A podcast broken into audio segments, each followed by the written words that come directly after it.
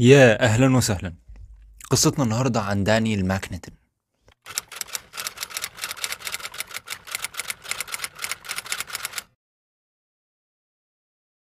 بدأت قصة دانيال في اسكتلندا بعد ما باع أعمال العيلة في مدينته الأصلية جلاسكو دانيال كان بيتنقل ما بين جلاسكو ولندن وبدأ إن هو ينخرط بقوة في الأعمال السياسية. بعد فترة بسيطة بدأ يشتكي من محاولات اضطهاد وملاحقة بتحصل له آه، من حزب المحافظين في المدينة. وفي 20 يناير 1843 حصل سلوك مفاجئ من دانيال وهو إطلاقه النار على سكرتير الخاص آه، لرئيس الوزراء إدوارد راموند من مسافة قريبة. دانيال كان معتقد إن هو رئيس الوزراء وده اتعرف سوا بعد ما تم تشخيصه بإنه مصاب بجنون العظمة. وقبل ما يحاول إن هو يضرب النار تاني على إدوارد دراموند قبضت الشرطة عليه. في البداية كان يعتقد إن جرح دراموند آه، مش خطير قدر يبعد عن المكان تمت إزالة الرصاصة وكانت التقارير الصحفية كلها متفائلة. تم استخراج الطلقة مفيش إصابات في أي أجزاء حيوية الدنيا تمام. طبعا كمان بالإضافة للجراحين بتوعه سايد جوثري وبرانسبري كوبر كان معاهم كل الأسباب لاعتقادهم إن دراموند بخير ولكن المفاجأة إن دراموند مات.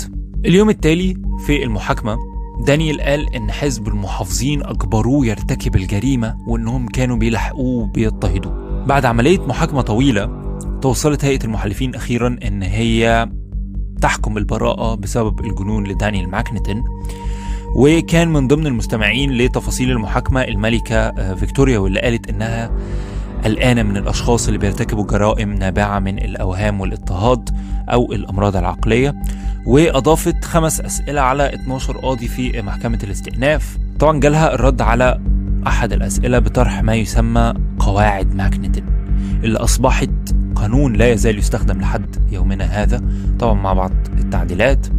وده اللي بيحكم للمسؤولية الجنائية فيما يتعلق بالمتهمين المضطربين عقليا. القانون بيقول كالآتي لإقامة الدفاع على أساس الجنون أنا لازم يبقى عندي إثبات إنه في وقت ارتكاب الفعل كان المتهم يعمل تحت خلل سلوكي نابع من مرض عقلي آه، سواء من الفعل أو إذا كان واعيا أثناء ارتكابه للجريمة. بعد تبرئة ماكنتن تم نقله من سجن نيوجيت للجوء الجنائي للولاية في آه، مستشفى بيتلم بموجب قانون 1800 للحجز آه، الآمن للمرضى النفسيين المتهمين بجرائم. وفي سنة 1864 تم نقل مكنة لبراد مور اللي تم افتتاحها جديد. ووصفته أوراق قبوله في المستشفى هناك بأن هو مواطن من جلاسكو. ذكي جدا. وأصيب ماكنتون بمرض السكري وأمراض القلب في بيدلم. بحلول الوقت اللي كان اتنقل فيه كان خلاص صحته بتتدهور وتوفي في 3 مايو 1865 أنا خلصت حلقتي. مبسوط أنكم سمعتوا الحلقة للآخر. ألقاكم في حلقة أخرى. السلام عليكم.